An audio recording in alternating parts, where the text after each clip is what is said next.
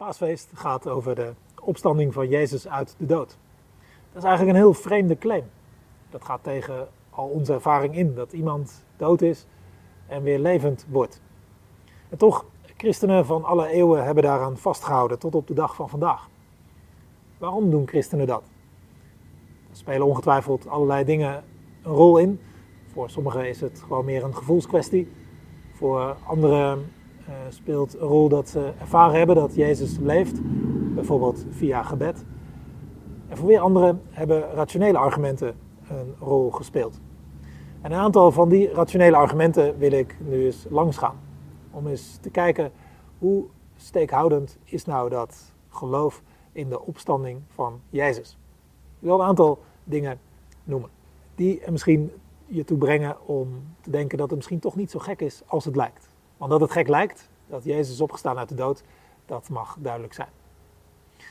Hoe weten we dat Jezus is opgestaan? Dat weten we van een aantal ooggetuigenverslagen. Het mooie daarvan is dat we vier verschillende verslagen hebben. Maar goed, kun je afvragen, zijn die betrouwbaar? Ze stammen natuurlijk uit een lang vervlogen tijd. En ja, die zijn heel behoorlijk betrouwbaar. Als je het bijvoorbeeld vergelijkt met andere historische documenten rondom die tijd, die wij nu als heel betrouwbaar achten, ja, dan vallen die vier ooggetuigenverslagen van Matthäus, Marcus, Lucas en Johannes, ja, die, die, die vallen heel positief door de test. Want we hebben vier verslagen van één en dezelfde gebeurtenis. Van één en hetzelfde leven van Jezus. En ook van zijn lijden en sterven, dus ook van zijn opstanding. En we hebben ongelooflijk veel kopieën gevonden. In allerlei talen, in allerlei gebieden ze hebben die, zijn die opgedoken. En veel van die kopieën zijn ontzettend oud. Die staan nog heel dicht bij de tijd dat ze geschreven staan. Dus die historische documenten die lijken behoorlijk betrouwbaar te zijn. En die beschrijven dus dat Jezus is opgestaan uit de dood. Maar kun je afvragen, ja, maar was Jezus eigenlijk wel echt dood? Uh, hoe kun je dat weten? Nou ja, goed. Uh, er werden vaker mensen in die tijd gekruisigd. Uh, dus je kon aannemen dat die Romeinse soldaten die daar verantwoordelijk voor waren wel wisten wat ze deden. Sowieso, als zij hun werk niet goed zouden doen, dan konden zij wel eens eenzelfde straf krijgen.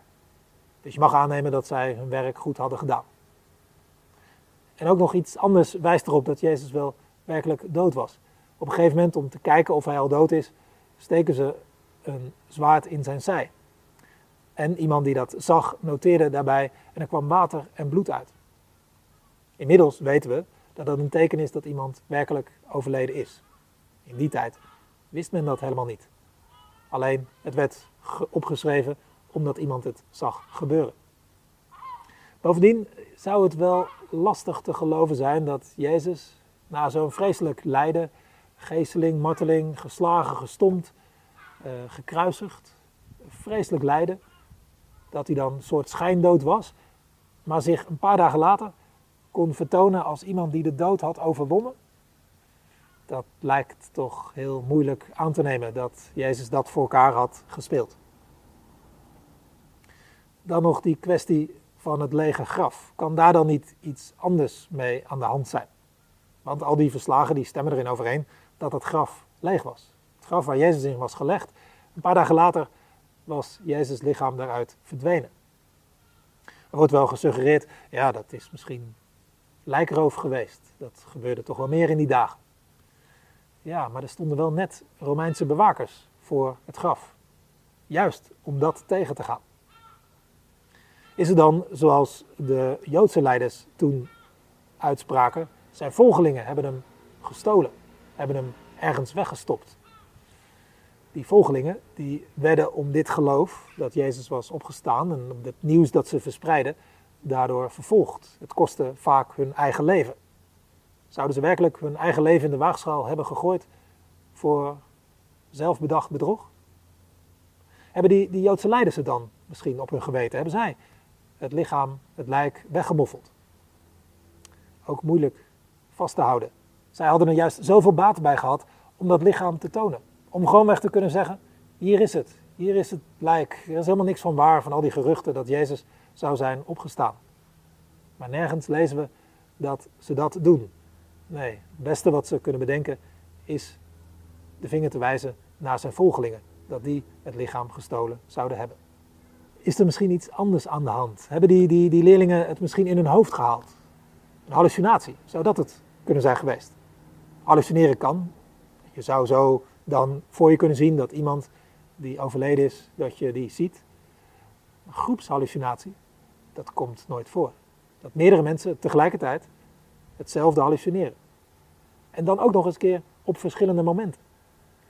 En dan niet zomaar eens twee of drie mensen. Nee, tientallen mensen, misschien wel honderden mensen, hebben Jezus gezien. Claimen dat zij hem gezien hebben.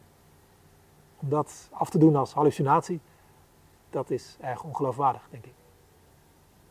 Dan nog iets opvallends aan die getuigenverslagen. Die leerlingen van Jezus, als je hun bekijkt hoe zij beschreven worden, dan, dan, dan zijn dat in het begin heel bange mensen, vol twijfels. Ze weten het niet zo, ze sluiten zichzelf op, ze houden zich achter. Maar na die gebeurtenis van het lege graf en alles wat daarmee samenhing, daarna gaan zij de straat op, de stad door, over grenzen van landen heen. Dat nieuws verspreidt zich en het kost hun vaak hun eigen leven. Heel vaak moeten ze daar allerlei dingen voor ontzien. Ze worden eh, vastgehouden, gevangen gezet en soms dus ook gedood. Opvallende verandering van deze bange discipelen in onverschrokken boodschappers van dit nieuws. De meest voor de hand liggende verklaring is dat zij werkelijk iets meegemaakt hebben, iets gezien. Jezus, die leefde. Die die niet meer in het graf gebleven was, die niet dood achtergebleven was. Dat dachten ze eerst. En daarom waren ze verslagen, zaten ze op slot en wisten ze niet meer wat te doen. Maar op een gegeven moment worden zij omgedraaid in onverschrokken boodschappers van dit goede nieuws.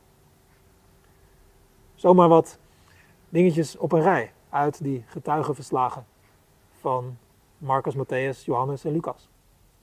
Nee, ik geloof niet dat dit doorslaggevend bewijs is voor alles en iedereen en altijd dat Jezus uit de dood is opgestaan. Maar ik hoop dat ik je een beetje heb kunnen helpen om te bedenken, zo gek is het misschien toch niet om te geloven dat 2000 jaar geleden Jezus is opgestaan. En als het niet zo gek is, niet zo onwaarschijnlijk als het op het eerste gehoor lijkt, dat Jezus leeft, is opgestaan uit de dood, dan is het misschien tijd om Hem te zoeken, te bidden, te kijken of je Hem kunt ontdekken. Of Hij er werkelijk misschien ook is voor jou. En of Hij je kan geven wat Hij belooft te geven.